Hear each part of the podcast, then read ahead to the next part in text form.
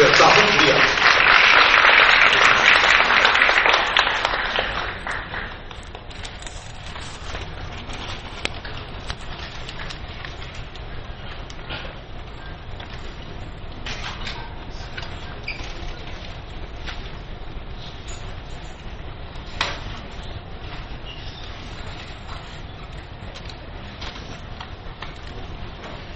好，大家早安。早安。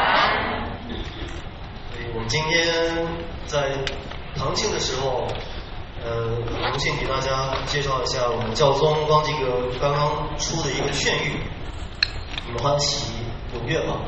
你要注意教宗的通谕跟劝谕，如果是说方济各的，每一步都有一个词是一样的，有没有注意过？或者或者说一个主题，那个题目上都是一样的，是哪一个？喜乐。所以叫做方济格，他是一个非常喜乐的人。喜乐也是我们基督徒最最最重要的一个特征。那呃，我想耶稣圣经愿意我们有的就是这样一份啊发自圣神的喜乐。好，那。我们要看一下叫做方济格在这部劝谕里面告诉我们什么？这是一个特别写给平信徒的，就是写给你们的。所以呃，我们看一看他跟我们讲什么。这是一个告诉平信图如何成圣的劝谕，内容非常简单，文字非常简单。那我希望有中文之后，你们可以好好去读一下。那我们现在就是大概介绍一下，我们今天只有可能呃。五十分钟的时间，肯定是我们不可能讲完所有的东西啊。虽然这个劝谕很简单，但是也也也很厚啊。我们如果想深入的话，又不可能讲的所有东西，所以我们讲到哪里算哪里。留下的部分呢，就是以后你们有理由去读它。好。那教宗写这个劝谕的目的，就是让我们能够在当前的现在的境遇当中呢，去看我们每一个人成圣的招教，我们应可能会遇到的挑战，所以呃是比较现代的一个跟我们生活的现实有关的。那这个劝谕一共有五章，一第一个就是成圣的召教，然后第二个呢，呃告诉我们圣德的两个敌人。一个是，当然这个是等一下我会提到的啊。一个是叫诺斯蒂主义，一个是法拉奇主义。然后第三个就是真福八端，就是要跟随耶稣。然后呃第四章是今日成圣的记号，有五种德行，我们应该有哪种五种德行？那第五章就是灵性的征战，还有分辨。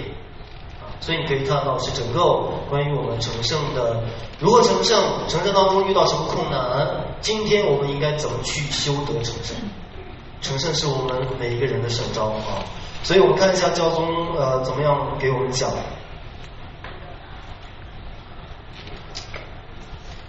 因为时间的关系，所以我主要主要把它总结为三点来讲啊。其实这五虽然有五章，但是。可以总结为三点，主要三点。第一个就是成圣的招教，那第二个就是阻碍是什么阻碍我们去成圣，然后第三个就是我们应该修什么样的德行去成圣。那呃，我不知道你们有没有听说过“成圣”这个词啊？有吧？这肯定有啊。好，有没有这种意识？就是你有没有自己成圣的意识？有多少人有？啊，不少啊，还可以。不过呢，好像大部分人没举手啊。然后你们觉得谁更容易成圣？哪些人更容易成圣？一二三。念修院的人。我，哇，你们一出口的那个是最直觉的啊！好，我先说，一二三，谁？有点混乱，不过呢，我第一次听到的是神父，谁说的？是不是有人说了？对不对？对不对？修女啊，有没有？然后还有人说罪人，罪人很容易承受，都是罪人啊。这不是罪人最容易承受，是罪人最应该承受。好，你们觉得神乎最容易承受吗？我不觉得。好，教宗方济各尤其不觉得啊，所以要小心。我们看，我们都被召叫成圣，每一个人，每一个基督徒，其实也不只是每一个基督徒，每一个人，哪怕不是基督徒，也要被召叫成圣，因为这是我们在圣经里边比较熟悉的一句话，对不对？在旧约里头有。你们应该是圣的，因为我是圣的。在新约里面也有《伯多禄前书》也也这样提过啊，因为天主是圣的，天主在旧约里边拣选了以色列子民，让他们成为一个王家的司祭、圣洁的国民，属于上主的民族啊。这是天主为什么召叫旧约子民的意思，就让他们成圣。呃，圣这个词是什么意思？在希伯来语里面是分离、分家、分开。分开的意思不是说要跟别人隔绝啊。圣的确在旧约你可以看到，犹太人是不跟外邦人往来的，认为外邦人是不洁的，他们是圣洁的国民啊，所以他们要跟别人不一样，跟别人区分开来。但是呢，区分开来并不意意意味着分离，区分不意味着分离啊。可是犹太人没有理解透，所以他们不但区分还分离了。而天主这个不是天主的意思，分离的意思是让他们属于天主。为什么要区别开来？是因为他们应该属于天主。属于天主的意思就是圣，因为天主自己是圣的。属于天主就是和天主结合啊，你就要分享他的生命。所以你现在有的是一个新的圣的生命。是在这个意义上，你跟不圣的人、不圣的事物有一个区别，这是圣的意思。所以圣的希伯来文是分离啊。好，我们在梵蒂冈第二次大公会议里面，教教会的这个教义显章啊，特别告诉我们，不管我们身份是什么，不管我们处在什么样的环境下，每一个教友看到没有，都被召叫。遵循一个个别的途径，走向成全的圣圣德啊，呃，这个是应该是效法天赋的成全，有点写错了，效法天赋的成全。啊，我们知道耶稣在那个，耶稣在马马马窦福音第五章第四十八节怎么说？最后一节，你们应该是圣的，如同。啊，sorry，你们应该是成全的，如同你们的天赋是成全的一样。那这是整个山东圣训的结论。山东圣训就是以这个为中心、为核心、为高峰的。我们都被招叫像天赋一样，因为我们是天赋的儿女。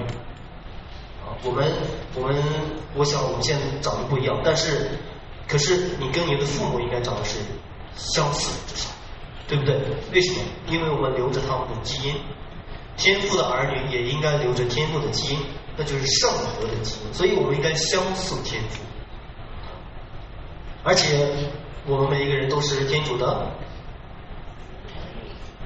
肖像，肖像的意思不单单是子女，而且是完全像他的子女，完全留着他基因的子女，就是像他，我们是他的肖像，就应该跟他是一样的啊。所以教宗看到没有？教宗说什么？他一开始就说：“嘿，你们要小心啊，不要想圣德是只保留给某些人的，某些其实更没有圣德的神职人员和多福音生活者啊，兄弟们，你们可以堵起耳朵，不要听啊。嗯，好像只有奉献更多的时间用来祈祷的人才是圣的。如果这样的话，那就惨了。”我们每一个人都是天父的儿女啊，我们每个人都是那个天主的肖像啊，我们每一个人都应该反映出天主不同的面孔来。啊，那神父修女只能反映出某一种面孔来，但不是天主全部的面孔来。啊，那如果这个世界上都是神父修女的话，连子孙都没有了，天父天父都没有没有更多的儿女了，这怎么办？所以这个很很可怕啊。那神职人员有他们的成圣的方式，平信徒有平信徒成圣的方式，而且每一个平信徒成圣的方式也都不一样。因为天天主创造我们是独一无二的，所以我们没必要跟别人学习。我记得 那个上一个学期的更新法，张祖华老师讲的那个灵修，我特别记得他第一堂课讲的一句话，他说我们现在的教友们都是学神父的准神父准教友，好像是说神父修女们。那个表现出的那一种形式，就是教友应该仿效的，所以我们常常就跟他们学。你们是不是有这种情况？没有，没有就挺好。问题在于，如果你要谁不学的话，那也那也那也成问题啊。但是有一些教友呢，就是就是就是要跟着神父修女学。我告诉你们，这个你们根本学不来，因为我们的生活根本完全不一样啊。好，说一个说一个让我非常呃经验非常深刻的，我有一次去斯洛伐克，那斯洛伐克是那个属于东方里啊，斯洛伐克那个国家属于东方里，我们知道在东方里神父是大部分是结婚的，知道吧？啊，就知道啊，OK，东方里不是东正教啊，天主教，OK。我说的是天主教的东方礼，我们现在是西方礼，我们这里是西方礼拉丁礼，OK，这个大家知道吗，这个这个要学习啊。所以不要想神父就是独身的，不一定，有的神父是结婚的，而且在东方里百分之九十五往上的神父都是结婚的神父。所以如果你到罗马看见一个穿着黑袍、戴着白领的人在街上搂着一个姑娘，无所肆无忌惮的在那里晃荡，好。你不要想这个人怎么回事很正常。那可能是个东方里的第神学第三年级的修士，因为第三年就赶紧要找找那个找对象。如果一生神父就完了，找成了。所以如果你要提前结婚再生神父可以，但如果你结了婚，那就不能再生神父了，明白吗？好，这是东方的啊，是天主教，不是东正教啊。好，那我就问。这个斯洛伐克的教友啊，我就随便问一个教友，我说你们办告解都找哪一类神父办告解？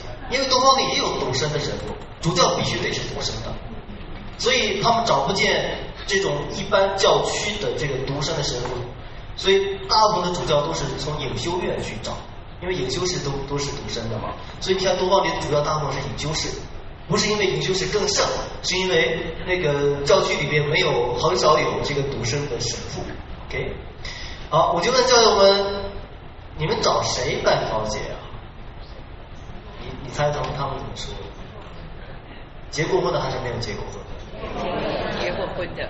没有结过婚的举手。结过婚的举手。哦，还是结过婚的了解结过婚的。没错，他们就说当然是结过婚了。可是对我来说，因为我第一次接触这种情况，哎，我当时就傻了，怎么回事？怎么可能？怎么可能找结过婚的呢？因为没结过婚的不了解我们的生活，你怎么知道我？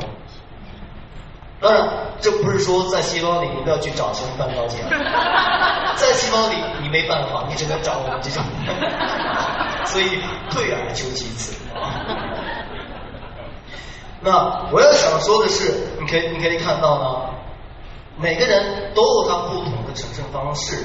他们之所以选择那样的神父去，那个结过婚的神父去，哎，sorry，结过婚的时候去办告解呢，是因为他们觉得他们有共性，有共性。因为他们有一样的生活，可以给他们进行经验性的指导啊。那没有结过婚的，只能进行理论式的指导，因为我们根本不知道那个怎么生活。啊，你说我的孩子非常讨厌，然后可是有时候看他挺可爱的呀，你又没生活在一起，你怎么知道他挺可爱？那所以这就是不一样的地方。那所以我们，而且成圣教宗告诉我们，成圣我们不要想那些。因为我在我们的脑海里边，我们有的圣人的概念都是哪一种圣人？教会里边大部分的圣人都是神父修女。啊，教宗方济各，呃，sorry，教宗若望保禄二世才开始册封好多平行图圣，从在他之前很少有平行图是圣人，所以在我们脑海里面，我们已经灌输了圣人都是那种啊啊方济各那种啊。一大群那种大圣人，就是就是不是人间烟火的，然后一天除了祈祷就是守斋啊，然后除了天主就是天，除了口里边脑袋里边想的都是天主的事情啊，这种完全属于天主的人，我们脑海里面想的都是这种啊，所以这是有这是错误的印象，因为天主召叫每一个人成圣，好，所以我们要看什么是成圣，那成圣。教宗方济各说是一个过程。他说，圣人之所以是圣人，是因为他们在整体的成圣过程当中，他一生当中一生的过程当中，做了一些有意义的，并反映出基督的某种面孔来啊。这什么意思呢？就是说，而且他他还会说，我看我有写的啊，我没有写出来。他在通他在劝语里面特别强调说，圣人不是什么都对的人。圣人不是呃想想的什么说的什么都对的人，这个做圣人跟做完人是完全不一样的啊。我们想的那个完美的人跟圣人是是是两回事情。你你是一个属于天主的人，但是你不见得是一个完美的人。好，我给你举一个例子，这个例子我特别喜欢举。那我是说，在教会里面有些圣人，比方说每个圣人都不一样，都是人嘛。啊，有些比较聪明，有些人比较比较比较不聪明啊。那我特别喜欢举这个我们的神父们的主保，神父本堂们的主保，不是，不是是本堂神父的主保，圣圣维安奶啊。那圣维安奶是很出名的笨，对不对？啊，呃，他做的一些事情就看起来就是很不完美。比方说，他的院子里面有一些果树，然后有些小孩子们就就去偷那些果子，OK。那他为了防止孩子们不再偷果子，他怎么做？他把树全砍掉了。啊，那我说，如果是我的话，我就不用他们偷了，我就你们就就就来拿吧，我也不用砍树啊，对不对？你可以有很多保留树的方式啊，所以这是比较不太比较笨的方式。可是他的心意是完全属于天主的啊。所以呃，笨人有笨福啊，所以不一样不一样的情况。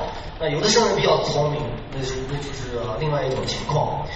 所以不是圣人就是一个完美的人。那我们做事呃，包括都可能做错，就好像刘亚奶这样子，你可能做的真的是从客观上讲是一件错的事情，但这并不意味着你不是圣人。那像奥古斯丁，奥古斯丁之前是圣人吗？他自己认为是罪人，对不对？是一个浪子，是一个花花公子，是不是？还有还有私生子呢，啊？那呃，这样的人怎么样成圣？他自是他自己说的。他说，有一天如果，sorry，只要我们走在成圣的道路上，我们就已经达到了终点。这什么意思？只要你还走在路上呢，你就达到了终点。这是什么意思？这有点不合逻辑，是不是？看起来，因为对进行时，因为成圣是一个交通说是一个过程，是是直到你死，是你整个人生的过程。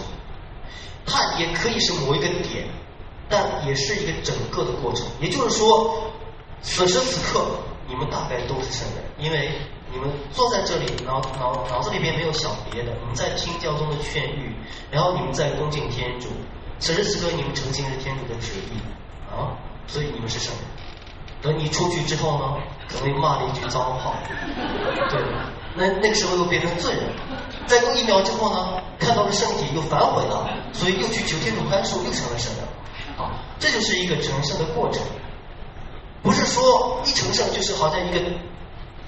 固定的不变的状态，我告诉你，这样的圣人很少有，不过也有。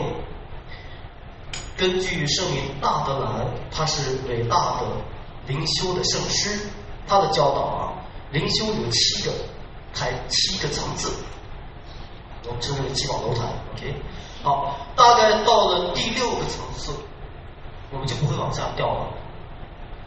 也就是说，你到了第六个层次的时候呢？可能就不会不会啊堕落啊。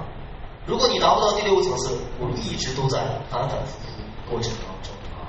那第七层次称之为神婚，什么叫就神圣的婚姻，跟天主完美的这个这个联合，那是什么意思呢？就是说，那就是天堂。对，你到了第六的时候就已经到天堂门口了，第七就完全进去了。OK，那所以这这样的情况也有，不过比较少。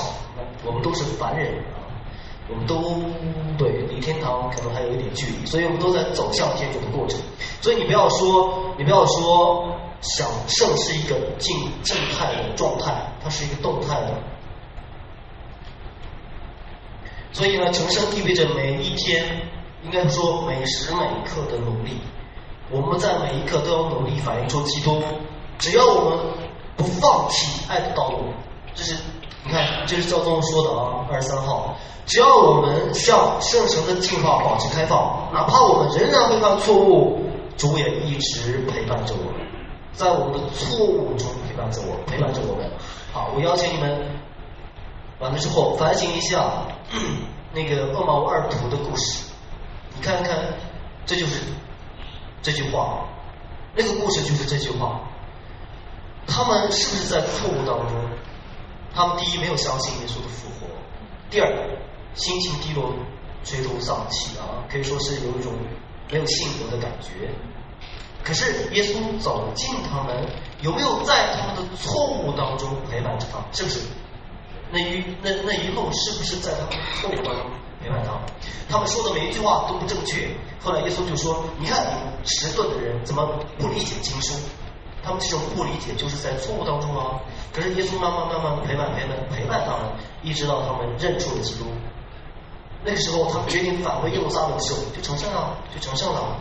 所以耶稣也是这样陪伴我们的。”所以我们不是说我今天有错误，我就是个罪人，没错，我是罪人，但也可以是圣人。我们都是凡人，所以罪人和圣人可以是可以是同步的。啊，这是天主神圣奥秘的计划，天主慈悲的计划。对，因为我们的成圣是一个过程，我们跌倒再起来。好，我们成圣就是要每时每刻选择天主，不断的选择他。那教宗方济各还给我一个标准，什么是圣德的标准呢？就是爱德，就是爱德。对，啊，我们而且也是模仿耶稣的生活，那耶稣就是一爱的爱的典范。好。那然后他还提到一点，当然这是教宗方济各的特色，他总会提到社会，也就是说，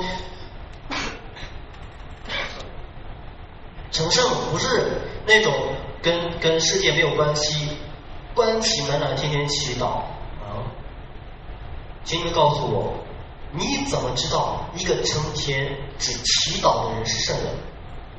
你怎么知道？你看着他非常虔诚的跪在那里，一天到晚的拜圣体。你你你怎么知道他是圣人？你能你能通过什么来断定？你能断定吗？我断定不了。不是因为我不评判人，而是因为我没有评判的标准。我怎么知道他是圣人呢？什么是圣人？他在那里祈祷的是一个祈祷的状态，也许他是圣人，可是他也许祈祷完之后跟别人吵架了。对呀，他在生活当中又没有服务，又没有服传，他他没有没有做过任何表现出圣德的这种行为来，我怎么知道他圣？所以圣对，sorry，圣德不是独善其身，这是以前西方个人主义灵修给我们的观念啊，好像灵修就是那种主事的、内在的、祈祷的、虔诚的。跟这个社会没有关系的，实际上你越跟社会没有关系，你就越没圣德，因为你没有机会表现呀。我怎么知道你是有爱德的人？我怎么知道你是谦虚的人？我怎么怎么怎么知道你是温和的人？所以方剂和教宗在后面会提到真主八观是非常非常具体的圣人而不是只祈祷祈祷祈祷就成了圣人你如果没有圣德的表现你你怎么怎么是圣人啊那所以教宗也让我们让行动跟祈祷跟乐观要平衡这也是非常耶稣会的。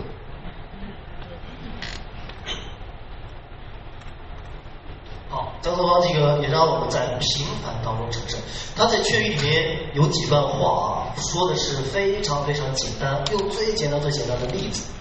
哎，你看他说，我喜欢在那些用那么多爱来教育孩子的父母身上，在那些通过劳苦工作把面包带回家的人身上，在那些微继续微笑的病人身上，年长的奉献生活者身上看到什么？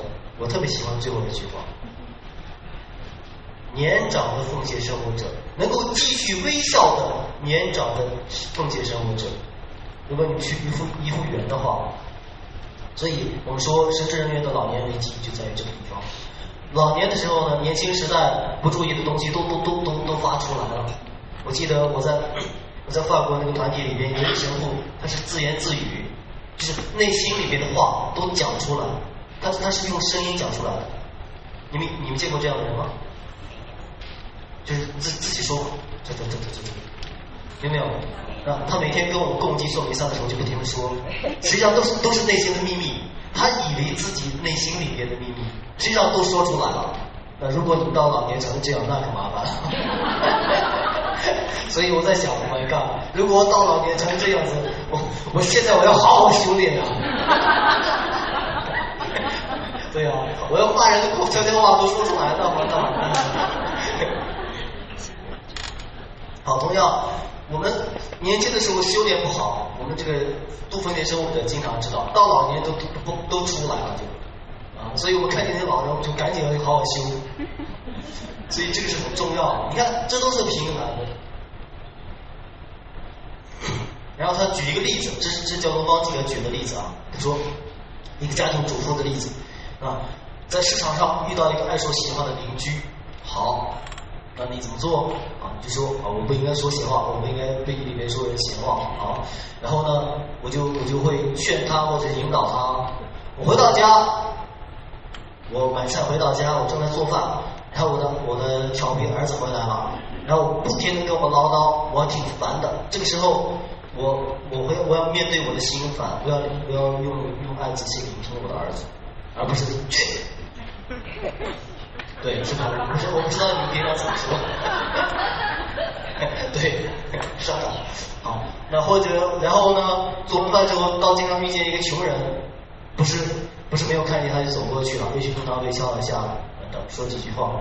好，所以这都是最他说这是他举的例子啊，最最平凡最平凡的生活，这些都可以承受啊，都是我们应该承受的机会和条件。好，然后他举例那个。呃，越南的阮文书书记，阮文书书记在他的呃那个一本书里面说，我抓住每天所有的机会，以非凡的方式，以非凡的方式去完成平常的行为。实际上，我们的行为都很平常，但是我们应该以非凡的方式去完成每一个平凡的行为。就好像刚才教宗方这个举的那个例子。去买菜，回家做饭遇到孩子，走到街上遇见穷人，这都是最最最平凡。但是我们都可以用最不平凡的方式去去完成它，这就是圣德啊。好，我们接下来讲圣德的阻碍，什么东西阻止我们在今天去成圣？那这个诺斯底主义啊，和还有马来奇主义，是指当代的一种形式。这是非常远古的一个异端，在初期教会就有的异端，可是，在今天呢，又以一种新的方式出现了，所以我们去要注意分辨哪一些东西、哪些事情阻止我们去成圣。好，那他第一个，教宗方济格第一个提了提出来的是诺斯底主义。什么是诺斯底主义呢？啊，就是一种一种非常主观的信仰，一种比较封闭的啊。呃，那对他们来说，唯一确定的呢，就是一系列的知识，还有一系列的经验，就是非常确定我可以抓得住的知识，抓得住的经验，啊，可以安慰我的东西。那他说这一种危险呢，就是把自己封闭在了个人的理性跟感觉当中，好像是说，啊，我现在具体说，比方说，呃。呃有一些教我好像是是说，我的热心程度在于我学了多少东西，然后他可能会参加好多的这个这个课程啊，各种课程都要参加。我们看接待他也很积极，那实际上，但这是我不是说这个事情本身有问题，这个事情本身绝对是非常好的，我们应该去学习天主的奥秘。但如果只是为了寻求理性的知识，那我们跟那些在中国大陆的基督教学者是是没有什么区别的，而好多的基督教学者是非信徒，所以他们的有理智的愉悦，他们把这个当成一种一种一种理性的寻求啊。然后另外一种是经验啊，有另外另外一种人是喜欢到各种神人复兴团体啊，各种祈祷团体啊，有有内在的灵性的经验。好像好像可以把这种确定的东西，然后忽然间有一天天中给一个神哭了，就不知道该怎么办。了，那就好，那这是方济各教宗要特别知道。那可是我们看到说，这样在这样的危机里边呢，有些人就是说，虽然学到了很多东西，或者感觉到很多东西，可是呢，没有生活。比方说没有服务跟服传，所以这个就是一个标题啊。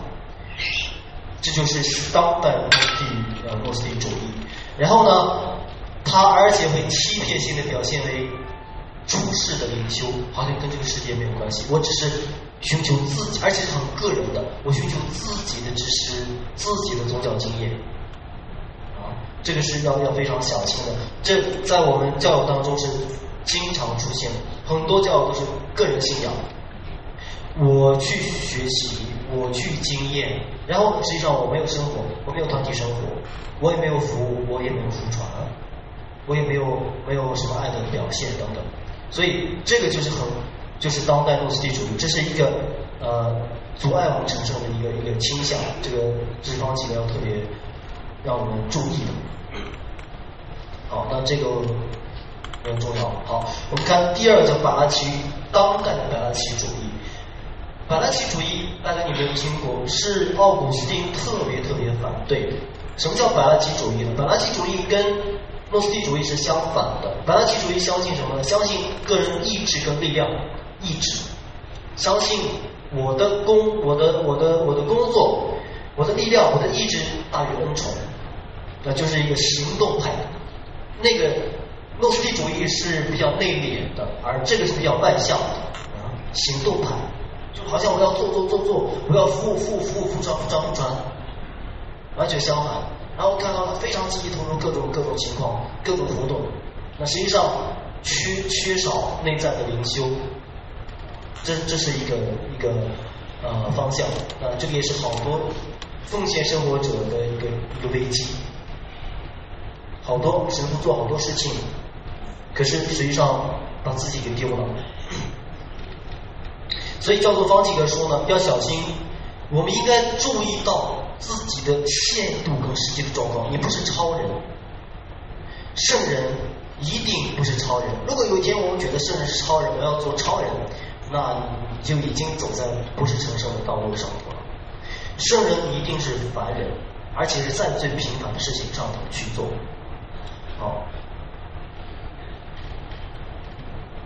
所以教宗方济各要特别让我们天主教徒注意，我们天主教因为新因为新教的原因，所以新教强调恩宠吗？强调信因信诚意，强调恩宠。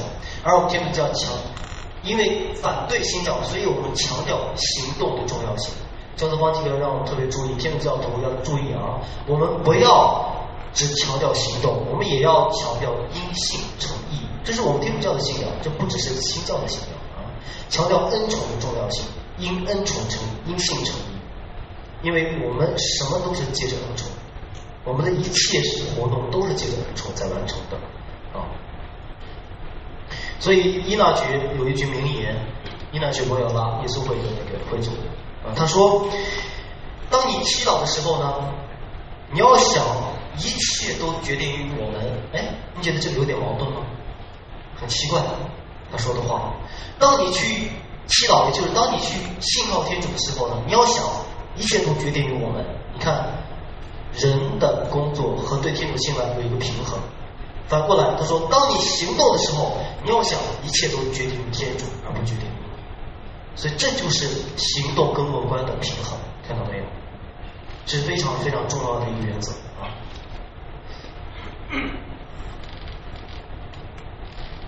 好，第三个阻碍就是他。今天你在福音里面听到了，在创世纪也听到了魔鬼啊，叫做方几个批评好多人不相信魔鬼，这个这个嗯，实际上就已经陷入魔鬼的诱惑了。他一开始批评魔鬼不存在的时候，我们在灵修上头呢有一个非常非常重要的功课功课要做，那就是我们应该知道分辨谁是魔鬼。谁是圣神？哎，如果我们不知道去分辨什么是善神，什么是恶神的话，那你就不知道往哪里走。因为好多时候我们都被善神跟恶神在引导着。有的时候，当然我不能说那个被魔鬼引导就是魔鬼附身，那魔鬼附身比较少。而且他也他也他也懒得妇女，对，他妇女他他的全心投入到这个人身上去工作了，那他对，那如果我们他会利用我们的心理，尤其心理的缺陷倾向钻空子啊，他会特别利用我们的心理来来攻击我们，所以我们应该懂得去分辨好。这是个非常非常重要的功课。那怎么去做呢？怎么去做呢？我这里没有办法讲，因为这个太多了。我们后边有一个很好的机构，你们可以去去去咨询。伊纳爵灵修中心，这里有伊纳爵灵修中心的人吗？没有，给他们打广告都不上。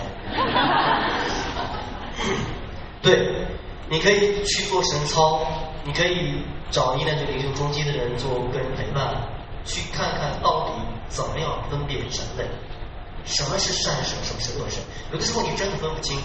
我举一个例子，有一次我去看 YouTube，看那个神复兴运动的祈祷的场合，一个是东北，一个是韩国的啊。我看了之后，我心里面发毛。我说这个到底是附魔呢，还是圣神降临？有没有注意过这种情况？有一种神复兴、神复兴运动的场合，你根本不知道，那到底真的是附魔了，又喊又叫又哭又闹，那带给人一种很可怕的场景，到底是附魔还是圣神降临？这就需要分辨。好，谢谢谢谢。那。嗯，我们我们也是一样，有有的时候在我们内心当中有一些倾向呢，你根本不知道到底是善神还是恶神。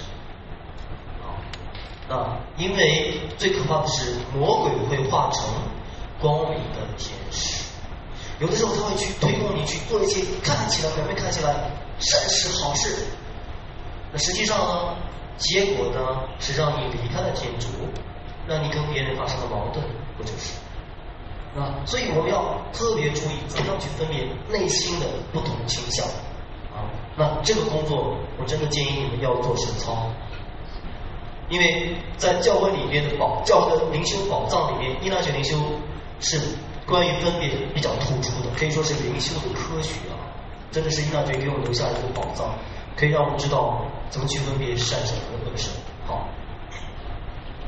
那教宗方济各特别提到一个灵性的腐败，spiritual corruption，灵性的腐败是最可怕的，就是耶稣说的温水啊。耶稣在那个莫斯顿莫斯顿里面有提到一个一个一个团体，他说你们就像温水一样，如果是开水或者是凉水都好喝，温水不好喝，所以我要吐出去。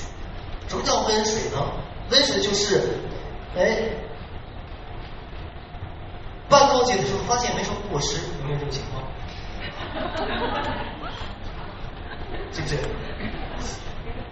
那，你觉得挺好吗？嗯，小心哈。呃，然后呢，好像也没有什么进步。然后呢，十年、一年跟十年都差不多，我都这个样子。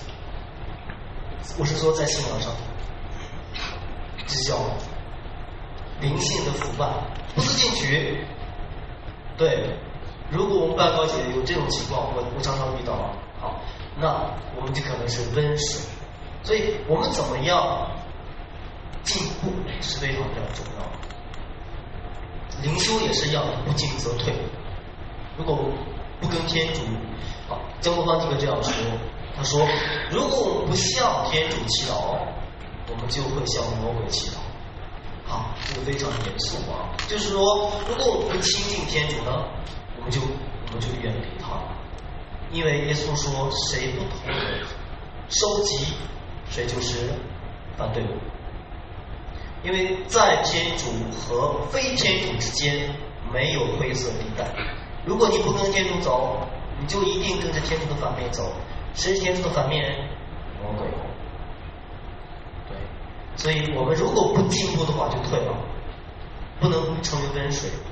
耶稣在在那个末世，对，那个若望在末世论里边提到耶稣说，那个然后水，如果你是非常冷，但叫有耶稣还还愿意救你呢。因为他看见换那个二儿子的时候，他他的心情会会更着急啊，所以他会更投入更多的爱。可是你这个不不冷不热的，耶稣都不知道用什么心情来爱你。对 对，这不冷不热的，你说你说该怎么弄？不知道，所以这个比较麻烦。那些特别爱耶稣的人，那些热心的，耶稣也不用管啊。那些最冷淡的，揪耶稣的心啊，那不冷不热的，你又又不揪心。又又不热心，这怎么弄？这个就比较麻烦啊。所以这叫灵性的腐败，我们要注意。所以我们要进步。然后呢，当然这个分辨的规则是很重要的。好，哎呦，我讲的还挺快。哎，这应该是第三，写错了。第三，应有的圣德。好，应有的圣德呢，征服八端，这个大家都知道，就是说。其实教宗方济各不是主要讲征服八端是怎么回事儿。好，我再做做一个广告，旁边有一个书店，对不对？啊，有一本书叫《世界与征服八端》。啊，呃，您先买了，慢慢看。那个结果就不说了，那是不是一本好书？如果看了好多遍之后，你会发现是好书。对。那这个话呢，就像是基督徒的身份一样。什么是身份呢？就是他表现出你这个人格来，他让你表现出一个基督徒的人格，一个属于天主的人，就是透过这种八端表现出来的。所以我刚才说，如果我们只祈祷，没有任何表现，那我们就不知道我们到底是怎么样的人。是真福八端告诉我们基督徒是怎么样的。好，那我们非常快速的过一下啊。呃，他说真佛的福跟圣，教宗方济各说跟圣是一样的。好，神品，神品啊，就是说，嗯，我们能够给天主留有余地。如果你非常满，我心里边都很满，我用各种东西来充充实我的话。你大概不会想到天主，在西方社会，今天那个以前的基督老的基督宗教国家，现在都没落了。为什么？一个很大的原因就在于这些人根本不需要天主，因为他们社会保障、福利什么都有，消遣方式都有，啊，灵性外在内在的都可以满足。那么他哪里会想到天主啊？想到，所以富人是很可怕的。我是说，内在的富人是很可怕，因为他的心灵是充满的，所以呢，天主不会进来了。神灵就是给天主留有空间。温和，那叫做方济各说，温和是贫穷的一种表现。为什么？因为温和的反面是什么？呃，是是暴躁啊，或者是是什么呀？是。对，粗糙等等，好，Anyway，那是那是一种什么表现？那是一种依靠自己力量的表现。你为什么会发脾气？发脾气是是是一个什么表现？是是我力量的表现啊，对不对？那如果你看见一会看见一帮黑社会要要打你的时候，你哪里哪里有脾气？那可能可能有的时候你会发现我很自卑，别人打我我我也不敢还手的时候，到警察局被打的时候，那你没有没有这种经验了啊。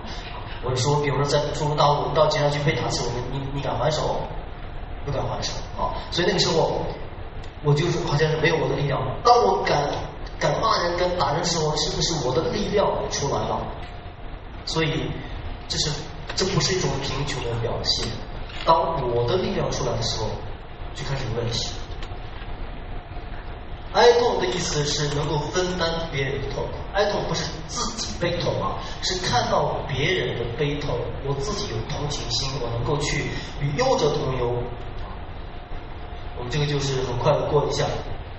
口不正义就是像一副要关怀弱势、怜悯人，这个大家都都都知道。就是我们应该试着把无限给予和宽恕的天主的圣德摆在我们身上一点点。你看，教宗方这个非常慈悲。他他没有说，你们应该把天主的宽恕和慈悲都反映在你们身上。我们都不了，所以方济各说一点点就好了，一点点。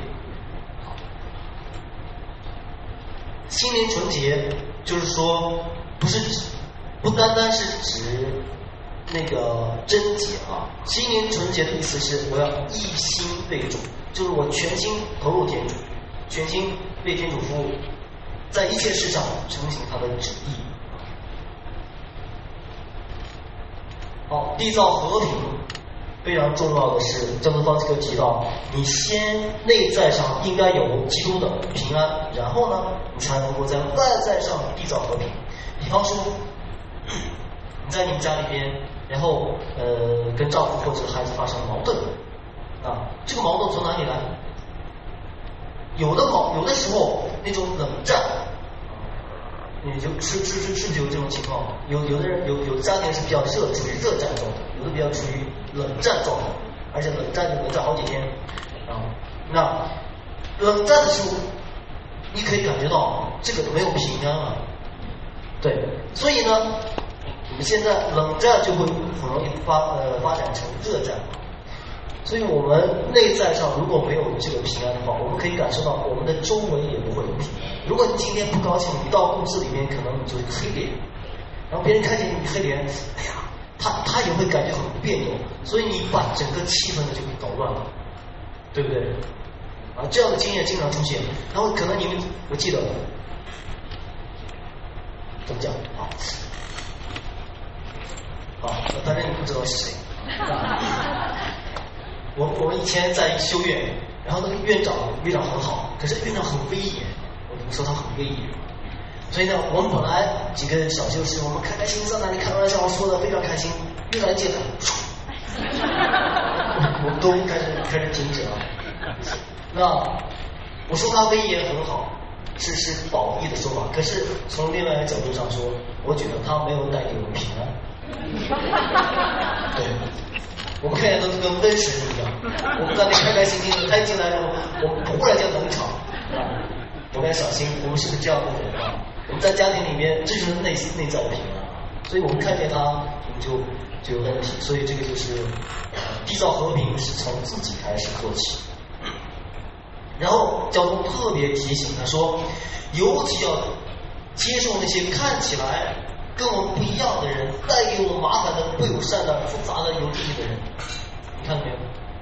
这个是缔造和平，从自己开始做起。什么叫缔造和平？就是你看见一个不顺眼的人，你能够去心平气和的用基督的爱去看他，用基督的眼光去待他，这个才会制造和平。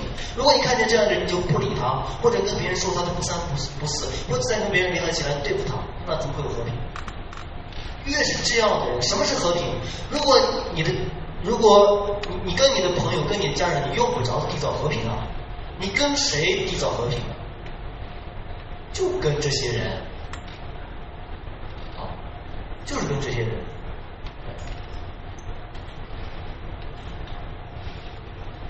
好，为义而受迫害是什么意思呢？如果我们把基督的德行都活出来的话，这个世界就要反对。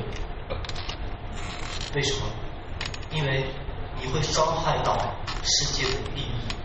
如果你以你以一个基督徒的标准真的去在世界上生活的话，你一定会触及到某些人的利益。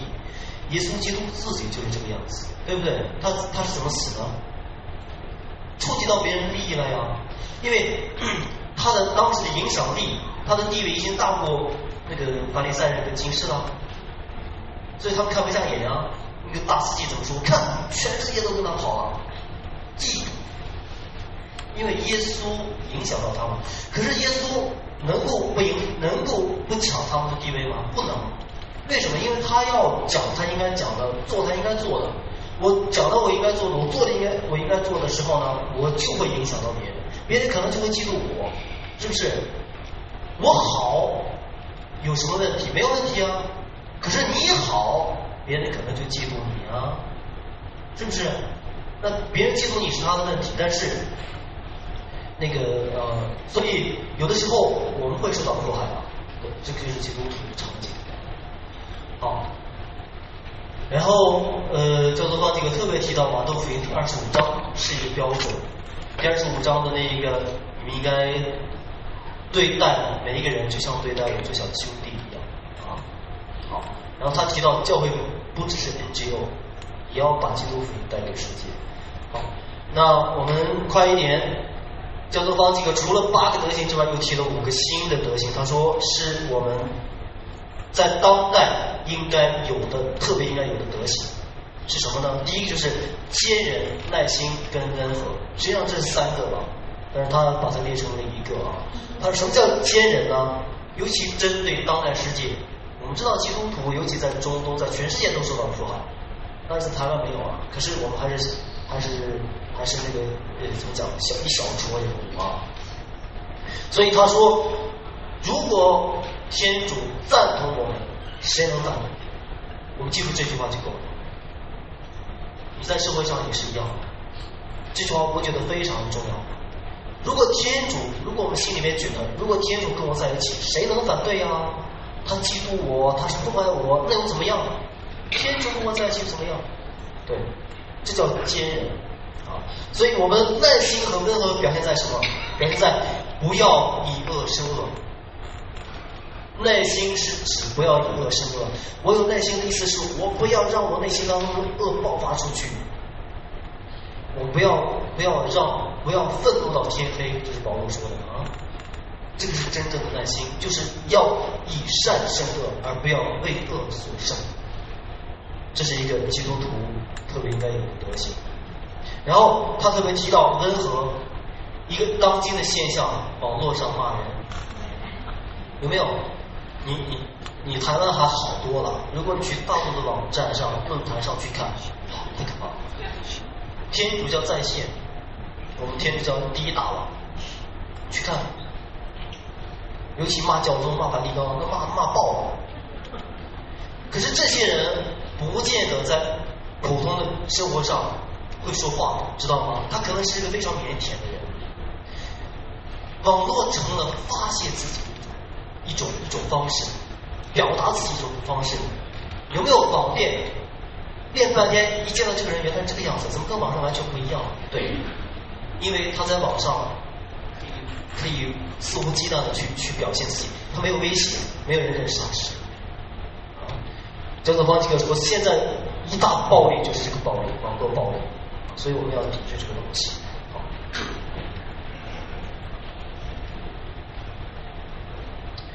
好，他说的第二德行是谦虚，谦虚当然也是温和的一种表示。然后他特别提到什么是真谦虚呢？让我们能够去承受别人的侮辱。哇，这个很难做的。啊，对，为什么？因为他说，如果我们不能够去承受的话，那说明我们没有跟基督受苦。三级谦虚是方济，呃，是耶稣会，是圣圣依纳这里提出来的。三级谦虚就是我要跟基督受苦。其实这就是内心中有和平的意思。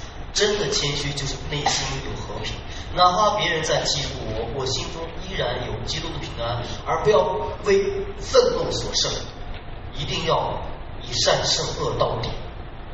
一定要耶稣教宗方济各说，你们不要放弃爱。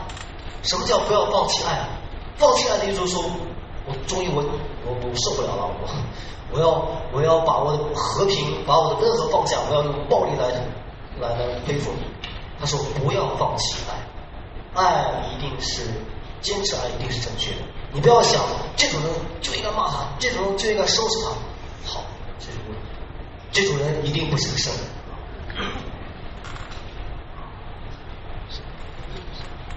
好，哎，这是第二个啊，第二个是喜乐跟幽默感，那这个是焦作方几个特别有的。他说你们不要整天带着参加葬礼的面孔，这焦泽芳几个特别提到。我不要，因为如果我们心中有基督的平安、有喜乐的话，我们一定会是喜乐的人。